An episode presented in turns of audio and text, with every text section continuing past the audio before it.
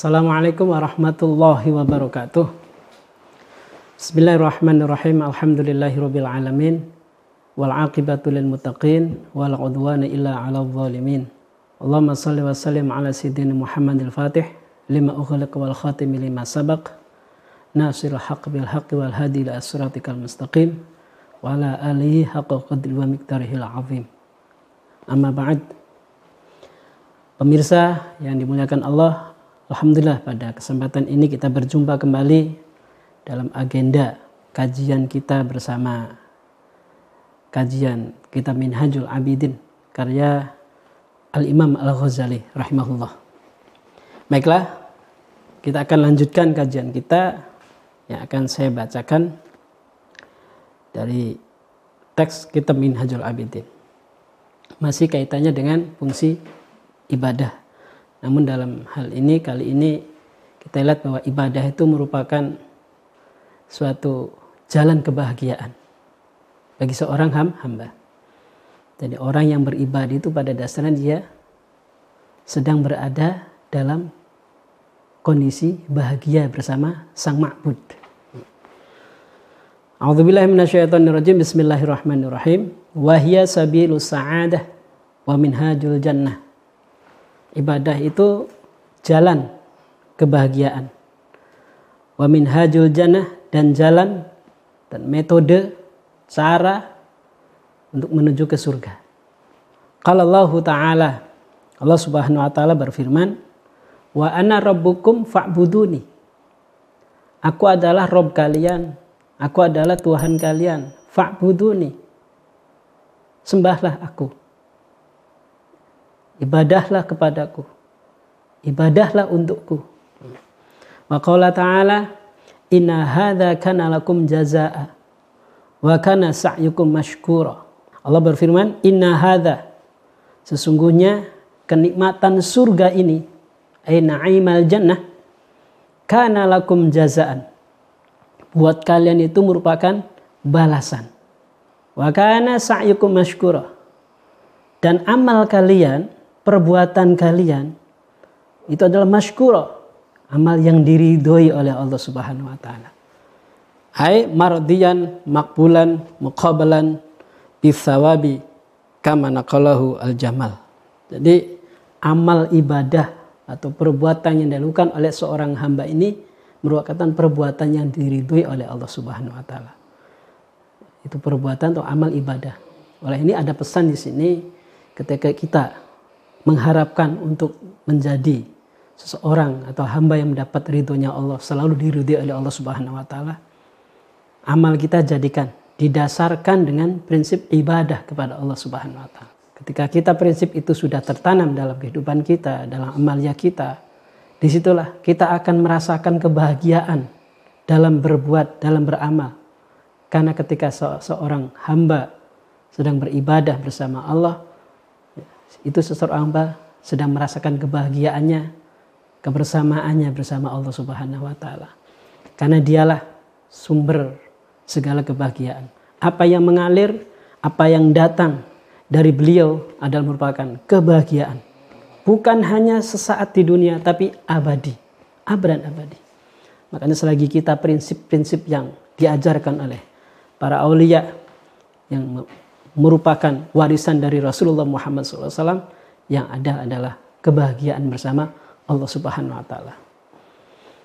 Jika ketika ditimpa dalam kehidupannya, apa pun yang menimpa, musibah apa pun oleh diri kita, oleh nafsu mungkin dirasakan sebagai kesusahan, kesulitan, tapi dengan prinsip ibadah semuanya adalah rahmat Allah dan bisa dinikmati kebersamaan bersama sehingga dirasakan bahagia di sisi Allah Subhanahu wa taala. Inilah penghambaan.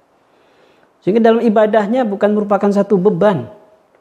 Justru orang yang bisa memiliki dasar seperti ibadah itu sebagai bentuk rasa syukur. Jelas tadi. Wa kana sa'yukum mashkuro. Amaliyahnya, perbuatannya, usahanya itu sebagai bentuk rasa syukurnya dan yakin ketika didasari rasa syukur semuanya diterima oleh Allah Subhanahu wa taala. Siapa pun orangnya ketika punya inisiatif, atau punya keinginan untuk siapa yang kita tujukan, kemudian orang tersebut seseorang menerimanya, kita bahagia. Nah, apalagi ini di hadapan Allah Subhanahu wa taala. Oke, itu sabilus sa'adah belum melihat balasannya belum. Yang dilakukannya saja sudah terasakan kebahagiaan. Adapun balasan tadi datang dari Allah Subhanahu wa taala. Wa ana rabbukum fa'buduni. Inna hadza kana lakum jazaan. Allah menyiapkan surga sebagai balasan. Bagi hamba-hamba yang soleh, para kekasih-kekasih Allah, surga itu yang merupakan bonus, bukan jadi harapan pokok. Karena yang jadi harapan pokok dan penghambaan itu adalah sendiri kepada Allah Subhanahu wa taala. Makanya siapa pun ketika mengharap Allah Subhanahu wa taala sehingga mendapatkan ridhonya Allah Subhanahu wa taala. Karena ridhonya apa pun yang diminta Allah kasih. Allah kasih. Ya. Nah itulah sehingga bisa menikmati merasakan balasan-balasan dari apa yang dikasih oleh Allah Subhanahu wa taala tanpa ada harapan dari diri dirinya. Karena sadar bahwa semuanya datang dan Allah Maha Pengasih, Allah Maha Pemberi kepada hamba-hambanya. Di sini jadilah kita hamba yang sempurna dengan apa yang jadi yang diharapkan oleh Allah Subhanahu wa taala, bukan yang diharapkan oleh diri kita. Nah, ini prinsip penghambaan.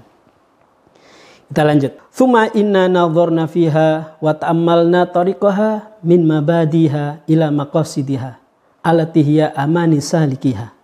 Bahwa surga tadi apa ibadah tadi sebagai kebahagiaan, sebagai satu bagian dari jalan menuju surga. Kemudian Al-Ghazali mengatakan dalam tulisan dalam Minhajul Abid ini, "Tsumma inna nadhurna." Kemudian sesungguhnya kita ini nadhurna mulai memandang, memperhatikan, mengangan-angan fiha di dalam ibadah. Ketika kita beribadah, kita perhatikan ibadah kita wa ta'ammalna. Ya. Kemudian kita dalam beribadah melakukan ta'amul. Ya. Apa ta'amul? Mengangan-angan. Perhatikan. Dan sepenuhnya tariqaha mimma badiha. Bagaimana caranya kita beribadah? Dari mulai awalnya kita beribadah, apa yang kita lakukan? Nah ini perlu adanya bimbingan-bimbingan ketika beribadah kepada Allah Subhanahu wa taala tentunya caranya juga datang dari Allah Subhanahu wa taala. Karena tujuan ibadah untuk Allah. Di sini pentingnya adanya syariat, adanya bimbingan. Makanya Allah utus Rasulullah Muhammad SAW. Kemudian diwariskan para para sahabat, kemudian diwariskan kepada para pengikut-pengikut, kemudian para ulama. Nah kita ikutin bagaimana caranya beribadah. Langkah-langkahnya seperti apa.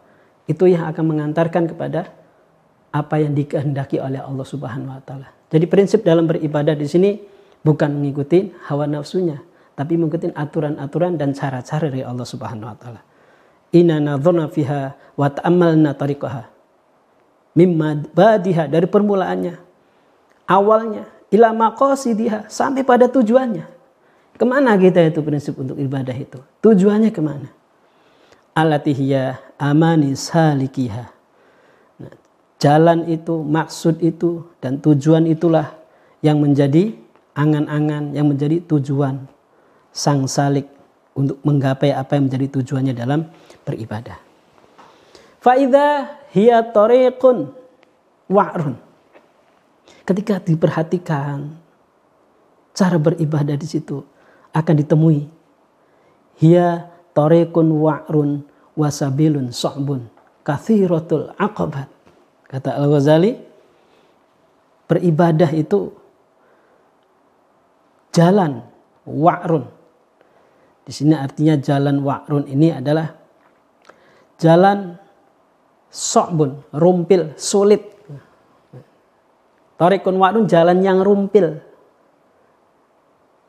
Yang sulit bagi siapa yang melangkah itu. Wasabilun sokbun juga jalan yang susah Kathiratul akobat. Di situ banyak sekali tangganya. Anak tangganya banyak. Syadidatul masyakot. Banyak kesulitan-kesulitan. Masyakohnya, beban-bebannya juga banyak. Ba'idatul masafat. Jaraknya juga jauh. Azimatul afat. Bahaya-bahayanya besar-besar. banyak kathiratul awaik dan juga banyak sekali penghalang-penghalangnya. Banyak tantangan-tantangannya. Terus hafifatul mahalik wal maqati diliputi oleh hal-hal yang akan merusak. Diliputi pula oleh hal-hal yang akan mematahkan semangat. Nah, ini dalam ibadah. Tentunya di situ kita akan lihat. Makanya di sini Minhajul Abidin. Kitab Minhajul Abidin ini merupakan penjelasan bagaimana cara-caranya jalannya seorang abid, para abid. Jadi pengalaman-pengalaman. Maka kita di sini nantinya tidak terbatas hanya sebatas konsep. Maka akan diarahkan. Kita butuh yang namanya pembimbing. Butuh seorang mursyid. Untuk apa? Untuk membantu mengatasi permasalahan-permasalahan, kesulitan-kesulitan tadi. Karena perjalanan ini dianggap sangat sulit, karena perjalanan bukan hanya fisik. Tapi harus melibatkan. Perjalanan adalah fisik dan spiritualnya. Nah, di situlah rumpilnya. Kenapa banyak tangga-tangganya? Dari mulai tangga-tangga kita lalui, tangga bagaimana menjalankan syariat dengan penuh sempurna, dengan lengkap. Ya. Kemudian bagaimana masuk ke dalam batinnya syari syariat. Bagaimana kepada realitas atau hakik hakikatnya. Itu tangga-tangga itu. Makanya dianggap rumpil, dianggap sulit karena langkah-langkahnya bukan hanya fisik saja. Nah, di sini maka perlu yang namanya kita mendapatkan bimbingan dari para mur mursyid, seorang syekh. Sebagai penyempurna, orang yang ketika mulai membangun kesadaran untuk berjalan menuju Allah Subhanahu wa taala sebagai sang salik. Sebagaimana penjelasan-penjelasan para salafus soleh, para masyayikh bahwa langkah pertama kita tobat. Nanti di Minhajul Abidin langkah pertama ada, yang namanya akobatut tobah ada tobat, ada inabah. Tobat itu kita kembali daripada kemaksiatan menuju ketaatan. Inabah sama, kembali daripada ketidakhadiran atau dalam kelalaian menuju kepada kehadiran. Itu harus dibangun dulu. Hadir bersama Allah. Setelah itu sudah sempurna tobat inabahnya. Harus kita berbaiah. Harus kita memiliki Pembim, pembimbing. Itulah mulai membangun komitmen untuk senantiasa berada di jalan Allah Subhanahu wa taala. Komitmen ini akan adanya bimbingan sang syekh, bimbingan sang guru, ini ya yang akan kemudian kita akan terarahkan. Baru setelah kita punya PA, punya syekh, kita akan lakukan yang namanya riadoh. Apa riadohnya? Mulai jaga perut, mulai jaga mata, mulai jaga telinga, mulai jaga lisan. Kemudian setelah itu lakukan kita melakukan yang namanya uzlah, pengasingan diri. Itu ada bimbingan. Ketika kita mampu sudah melakukan uzlah dalam arti dalam diri kita sudah sadar mengasingkan diri tidak terikat dengan hal-hal yang selain Allah Subhanahu wa taala. Artinya tidak terikat apa pun yang hadir, apa pun yang dia kita sikapi, kita lakukan semuanya tadi dengan kehadiran Allah Subhanahu wa taala. Makanya layaklah akhirnya akan muncul kesadaran berzikir kepada Allah Subhanahu wa taala. Zikir. Nah, zikir ini penting.